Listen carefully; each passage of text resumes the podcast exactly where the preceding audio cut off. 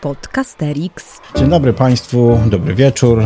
E, mój szanowny kolega e, Kuba Lorenz e, oraz mówiący te fantastyczne i oryginalne słowa Jacek Staniszewski. Witamy Was dzisiaj w duecie, ponieważ nasz kolega z tercetu... Zem... Jakie ter tercetu? Z trio.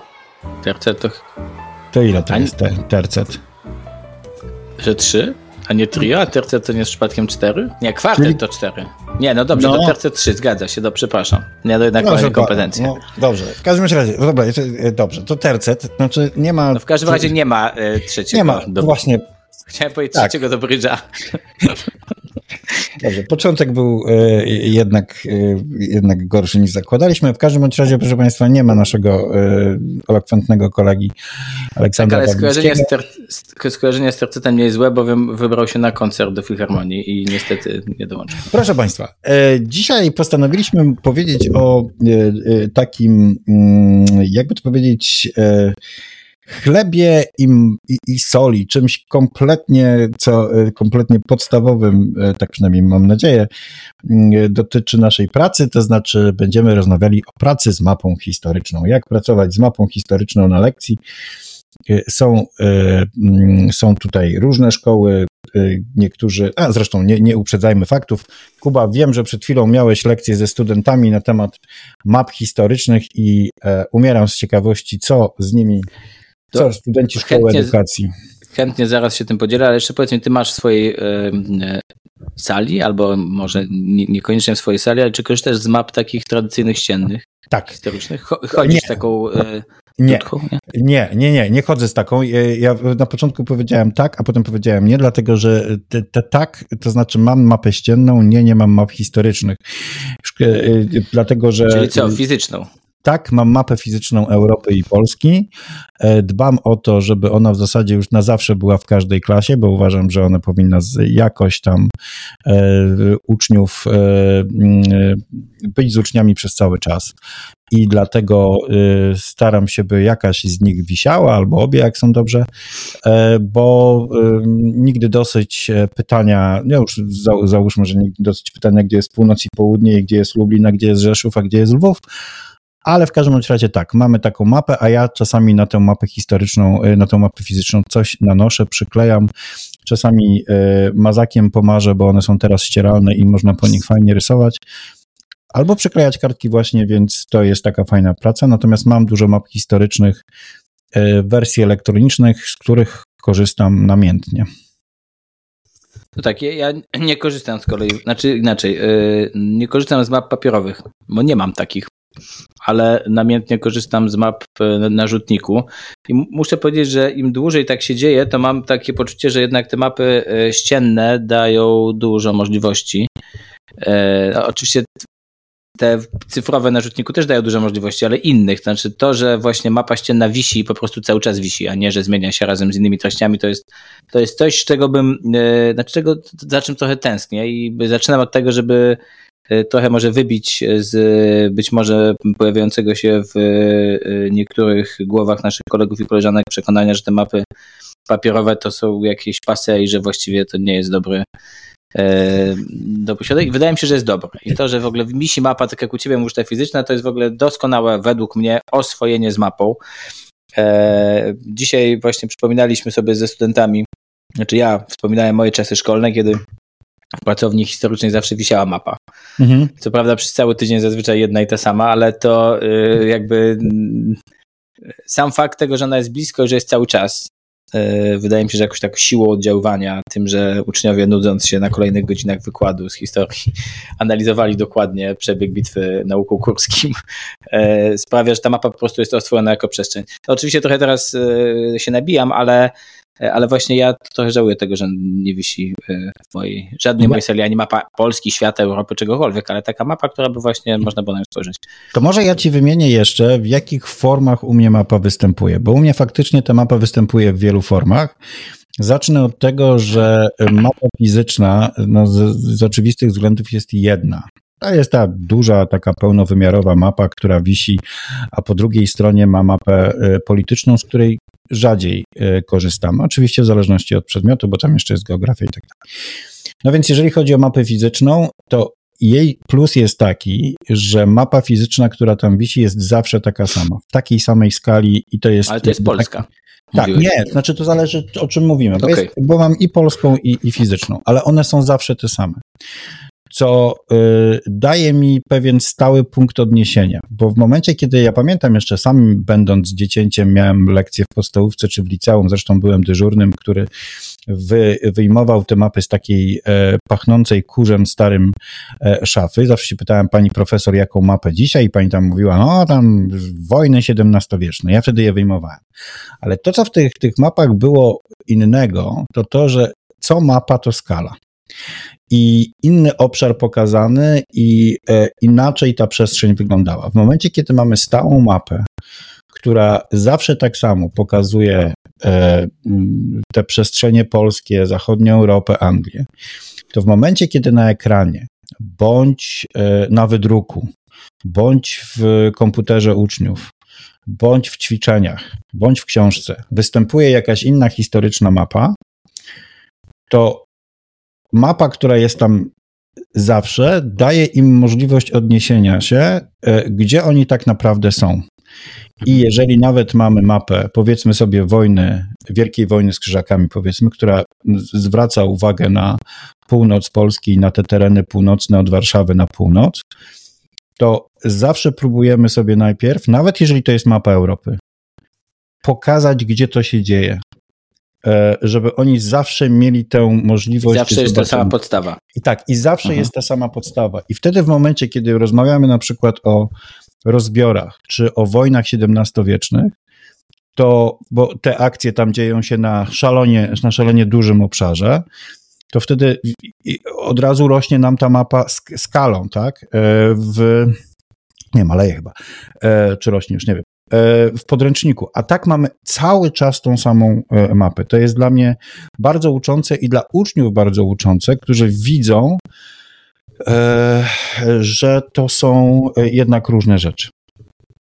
To jest fajny pomysł. Wiesz, znowu nawiążę do tych zajęć ze, ze studentami, bo trochę o tym żeśmy rozmawiali, o pewnej trudności, która się pojawia wtedy, kiedy mamy mapy w różnej skali albo pokazujące odrobinę różny obszar e, e, w, innym, w innej epoce i, i, i w momencie, kiedy pojawia się zadanie E, które wymaga jakiegoś zestawienia tych informacji między jedną a drugą mapą, no to ta e, różnica skali, e, znaczy to niepowodzenie tak. w tym zadaniu może wynikać właśnie z, tego, z, tej, z tej różnicy skali. No, nie wiem, czy ty pamiętasz, kiedyś było takie zadanie o, robiliśmy wspólnie to zadanie i opracowaliśmy nawet pomysł na lekcję do tego zadania o bitwie pod Grunwaldem, mhm. gdzie była jakby kawałek mapy był powiększony tak jakby pod lupą. Tak. E, także tak. była mapa, która ukazywała przebieg Wielkiej Wojny 1410-11, natomiast e, jakby najważniejszy teatr działań wojennych. E, był jeszcze jakby tak. Był te, zlubkowany, tak, zlubkowany. powiększony jako mapka obok. Tak. No i jak dobrze pamiętasz, to to stanowiło dla wielu uczniów i uczennic trudność, żeby dostrzec, że to jest. Ten sam obszar, tak. tylko, tylko bliżej. A to było, to było de, de, facto jeden materiał, znaczy to była mapa obok mapy, z, nawet z taką strzałeczką, a mimo wszystko to, to było trudne dla niektórych, żeby to, żeby to dostrzec. A co dopiero w momencie, kiedy mamy dwie mapy, jedna za drugą, albo rozwijamy jedną rolkę i dajemy drugą rolkę e, mapy tradycyjnej, e, gdzie na przykład na jednej mapie mamy, nie wiem, e, Rzeczpospolitą e, w całości, a na drugiej mamy, nie wiem, tylko Pomorze na przykład. Mhm. To w ogóle na mhm. przykład z tymi relacjami polsko-krzeckimi myślę, że może być trudność. No więc to na pewno jest wyzwanie.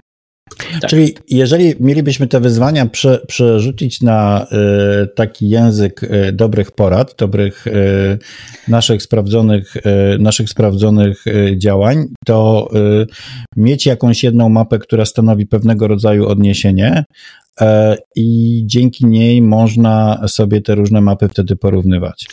Teraz tak. ja powiedziałem o, o, różnego rodzaju formie map, jakie mamy. Powiedz mi, czy ty na przykład korzystasz z takich map, w których e, e, tak zwanych konturowych, w których dzieci sobie coś malują i zaznaczają? Słuchaj, no to jest doskonałe pytanie. Nawet sobie zapisałem, że o mapach konturowych koniecznie trzeba po, po, powiedzieć. Zdarza mi się. Chociaż mhm. zazwyczaj w takiej sytuacji, e, nie wiem, niespodziewanego, e, niespodziewanego zastępstwa. Ale takiego naprawdę niespodziewanego, że nie to, że dowiaduje się mm, pół dnia wcześniej, tylko dowiaduje się na początku przerwy, że po przerwie mam prowadzić zajęcia, to wtedy czym prędzej idę do kserografu i, i kseruję jakąś mapę konturową. I to mi się zdarza. Zdarza mi się też korzystać z map konturowych przy, no bo w ogóle, może zanim o mapach, o mapach konturowych, to jeszcze wydaje mi się, że jedno, e, jedno, jeden akapicik wstępu jest potrzebny, znaczy do czego w ogóle można mapy wykorzystywać. Podcasterix. To znaczy na pewno dobrze jest nie wykorzystywać map tylko jako ilustracji do tego, co opowiadamy uczniom. Tak, jeżeli Czyli zobaczcie, mamy... tu to było, tu tak. oni szli, a potem to, to jest za mało. przez... Tak, to jest za mało. Tak, to, to jest za mało i oczywiście to też daje jakieś takie poczucie przestrzeni albo umiejętność posługi poruszania się, znaczy potencjalnie może dawać. E, jakieś takie opatrzenie z mapą, e, ale no to, to nie, nie o taką pracę z mapą nam chodzi, jak myślimy o pracy z mapą historyczną. E, bo chodzi bardziej o to, żeby uczniowie sami przetwarzali to, co na tej mapie jest. I teraz e, tak sobie myślę, że to przetwarzanie sprowadza się do czterech takich dużych, pewnie można byłoby jakoś równie wariantować e, rzeczy. Mhm. Pierwsza, pierwsza rzecz to jest wyszukiwanie informacji na mapie, konkretnych informacji, tak? Czyli mamy mm, nie wiem, mapę ukazującą organizację kościelną państwa pierwszych piastów, no i Jasiu powiedz, wymień miasta, w których były biskupstwa.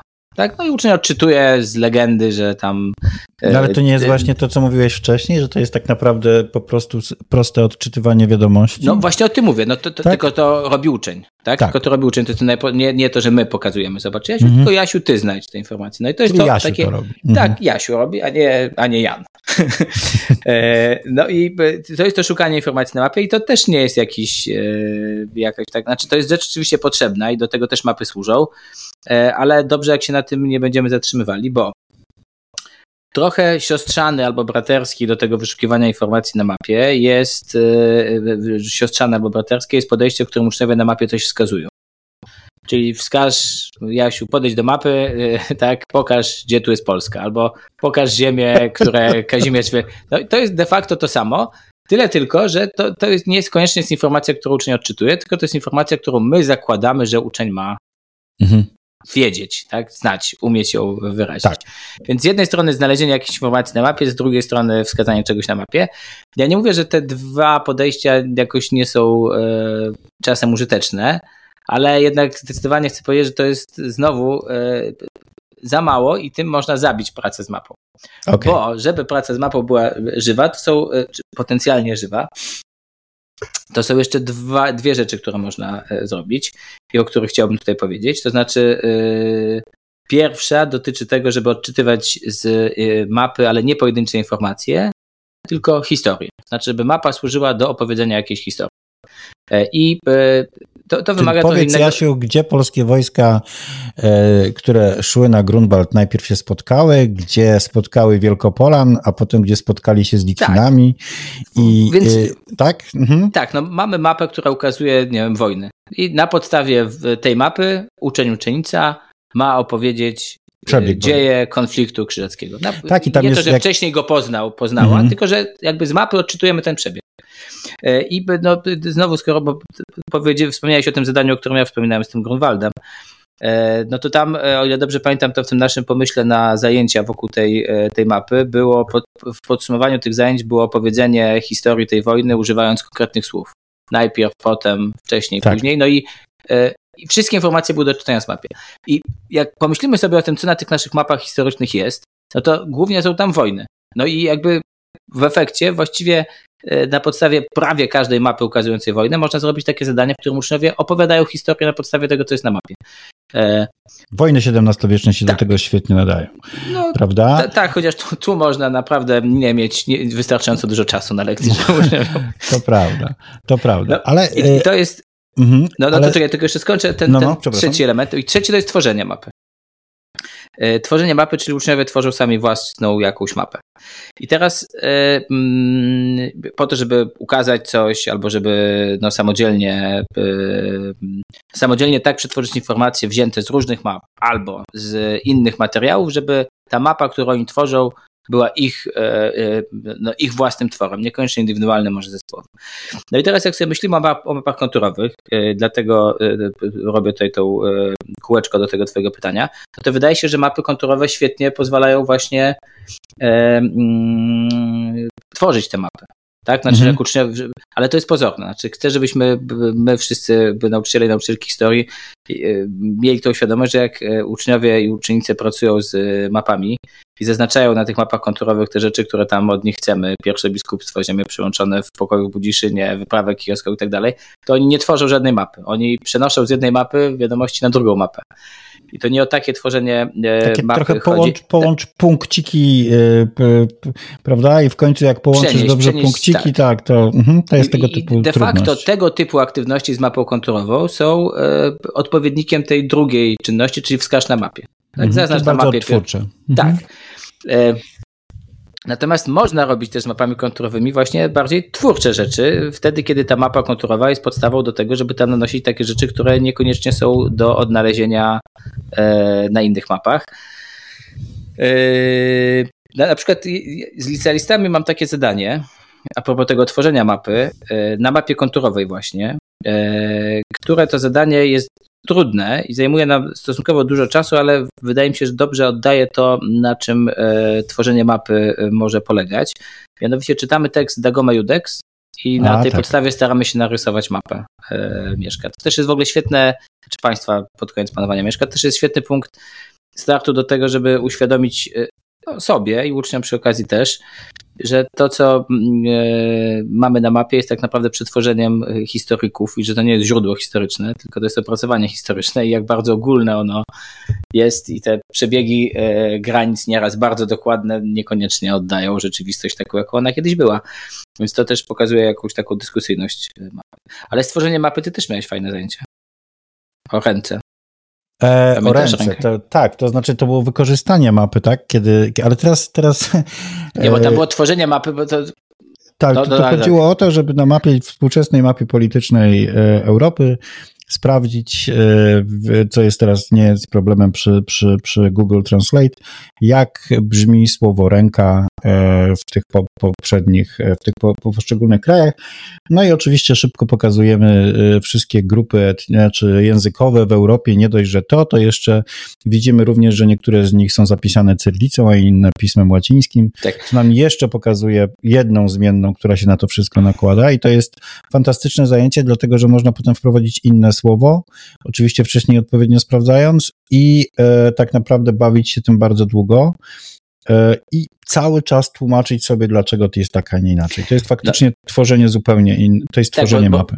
Bo jakby to, co w tym zajęciach, o których teraz mówisz, jest istotne i jest najważniejsze, to jest to, że podstawą do analizy i do odczytania tego, jakie są grupy językowe w, we współczesnej Europie, jest stworzona przez uczniów mapa e, z naniesionymi nazwami określeniami, rzeczownikami, tak, określającymi na przykład słowo ręka na współczesną mapę.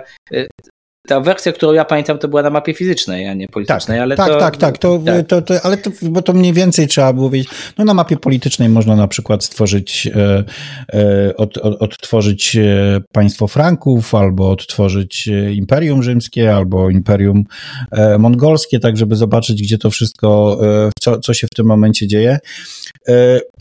To, to, to, to, co jest tu kluczowe mhm. przy tym tworzeniu mapy, to jest to, że ta, że, że jakby to jest mapa, która jest nową jakością. Tak, tak znaczy, to uczniowie sami ją tworzą, e, a nie przenoszą z jednej mapy na drugą, tak jak zazwyczaj wygląda praca z mapami konturowymi. Więc jak mnie pytasz, czy pracuję z mapami konturowymi, to wtedy, kiedy jestem do tego bardzo przymuszony, albo wtedy, kiedy mam na to pomysł do tworzenia map. Mhm, to ja ci polecam e, mapy konturowe, geograficzne. Tam nie ma e, tych naszych historycznych rzeczy, ale jest dużo rzek, e, jest dużo granic, i, i, i, ale takich gdzieś tam lekko naniesionych i one nie są w ogóle związane z historią. I to, to, to też robi fajne wrażenie. No tak, to trochę się tak wymieniamy różnymi ćwiczeniami. Moglibyśmy jeszcze długo, bo mogliśmy na przykład pokazać geograficzną mapę prądów, mapę prądów morskich, żeby sobie wytłumaczyć, dlaczego Kolumb płynął w ten sposób jedną drogą, a wracał inną, bo to wtedy e, widać e, różne rzeczy. Tak, Natomiast... porównywanie map, bo o tym żeśmy jeszcze nie mówili, że fajnie jest porównywać mapy i to też e, mapy właśnie geograficzne, na przykład przyrodnicze, pokazujące jakieś no, kwestie związane właśnie z przyrodą, na przykład z klimatem. Mhm. I przy pomocy tych geograficznych map wyjaśniać jakieś zjawiska społeczno-geograficzne europejskie, historyczne. Tak, to ja ci jeszcze y, jedną rzecz y, powiem, to, to, to już tak powoli na koniec patrząc na, na nasz zegarek, y, tak sobie dzisiaj w zasadzie gadamy dzieląc się swoimi dobrymi praktykami. Ja bardzo ostatnio zauważyłem, bo nie pieję nad um, umiejętnościami e, geograficznymi moich uczniów. To jest troszeczkę tak, że czasami się dziwię, że e, pewnych rzeczy szybko nie mogą znaleźć albo nie wiedzą, gdzie jest. I na przykład zupełnie ostatnio, niezależnie od tego, co robimy na mapach, nawet jeżeli są to mapy starożytne albo mówimy o czymś kompletnie innym, doskonale wiedzą, że kiedy dostają mapę konturową, bo ja akurat map konturowych używam dużo, e, to pierwszą rzeczą, którą robią, to zaznaczają Warszawę e, i Kraków. To znaczy albo, albo Gdańsk. Chodzi o to właśnie, żeby zauważyli mniej więcej, gdzie w tym momencie są, jaka to jest skala i gdzie są te poszczególne dwa miejsca. To znaczy, tak naprawdę muszą sobie znaleźć Wisłę i, i, i ujście tej Wisły, tak, tak mniej więcej. A jeżeli się mnie zapytasz, bo na pewno y, się chcesz mnie zapytać, a co jeżeli mapa dotyczy y, y, na przykład Imperium Rzymskiego, gdzie Warszawy nie znajdzie, no to ja mówię, no to trzeba zaznaczyć strzałkę, gdzie do, map, gdzie do Warszawy trzeba byłoby pójść. Znaczy, to jest dla mnie coś, co, co, co bardzo mocno zauważyłem, że e, w ogóle e, bardzo trudno jest czasami pokazać w ogóle, gdzie, gdzie my jesteśmy w stosunku do tego, o czym mówimy. E, a i mam taką jakąś ostatnio fiksację na tym, żeby cały czas to pokazywać im w, we współczesnym świecie i i kiedy ostatnio rozmawialiśmy o rozbiorach w jednej z e, klas, już nie pamiętam, siódmych czy szóstych, to dostali pracę domową, żeby znaleźć um, w swojej rodzinie dalekiej, bliskiej mieszkańcy, y, członków, którzy mieszkają w byłym zaborze pruskim, austriackim i rosyjskim. Tak? To znaczy, żeby, żeby, żeby spróbowali zobaczyć, jaki to jest obszar, gdzie to było. E, jeżeli nawet to jest mała miejscowość, to mieli to zaznaczyć właśnie na mapie konturowej. To jest troszeczkę to, o czym ty mówiłeś, tak? Że to jest jakby tworzenie swojej własnej mapy, a nie odtwarzanie jakiejś innej mapy. To ja chcę powiedzieć, że są też takie ćwiczenia, które robię na, na mapach konturowych regularnie yy, i one są mapówką. E, I tak uzupełniam mapówką. Na przykład nie, no ja zawsze w każdej klasie i w liceum i w podstawówce robię na mapach konturowych e, e, zadanie, w którym trzeba zaznaczyć granice rozbiorowe i teren pierwszego, drugiego, trzeciego rozbioru z odniesieniem do sprzeczności. I robię to zawsze. Znaczy, nie wiem, a przeproś. No, bo, zawsze robię na przykład mapę Kongresowego Królestwa Polskiego z mapie konturowej i zawsze robię kształtowanie się granic drugiej RP. Tak właśnie po to, że są takie rzeczy, które trochę mówię, narzekałeś, że oni nie, że nie zawsze masz takie poczucie, że ci uczniowie się dobrze orientują w takich rzeczach prostych, gdzie co jest. I ja mam takie wrażenie, że są takie obszary, których, które trzeba zmapować. Znaczy musi być mhm. mapówka, czyli proste wskazanie, tu. tu jest Warszawa, tu jest, no i to jest trochę to, co ty, ty, ty, ty mówisz. Tak. No i wydaje mi się, że te tak. granice rozbiorowe to jest właśnie taki y, no, dla XIX i dla XX wieku taka podstawa, żeby wiedzieć y, i rozumieć, co się zmienia, co trwa ale też bardzo mocno zawsze, albo przynajmniej często, zwracam uwagę jakimś takim e, rysem albo rzutem. E, pamiętajcie, gdzie dzisiaj jest terytorium. E, żeby to też było tak, że jeżeli oni mówią my, mieliśmy granicę pod Moskwą, żeby to jednak, no ale to jest zupełnie inna dyskusja.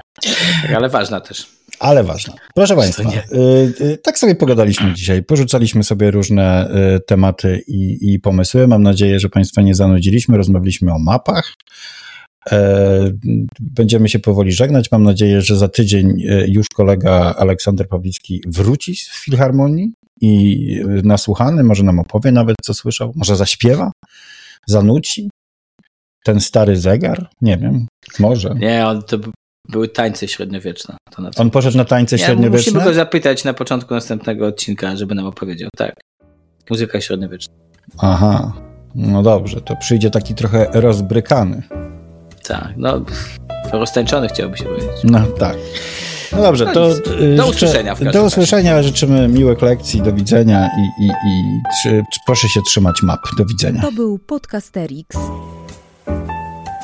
Wysłuchali Państwo kolejnego odcinka podcastu Trzech Nauczycieli Historii, którzy lubią sobie pogadać o swojej pracy, bo ją po prostu uwielbiają. Tych trzech jegomości to Kuba z charakterystycznym R, Olek z charakterystycznym głosem i Jacek, który czuwał nad nagraniem i montażem. Podcast przygotowano dzięki wsparciu Szkoły Edukacji Polsko-Amerykańskiej Fundacji Wolności i Uniwersytetu Warszawskiego, w której cała trójka pracuje. Więcej informacji na stronie szkolaedukacji.pl. W czołówce wykorzystano dźwięki na wolnych licencjach, a głosu użyczyłam ja, czyli Adriana Bąkowska. Zapraszamy na kolejny odcinek.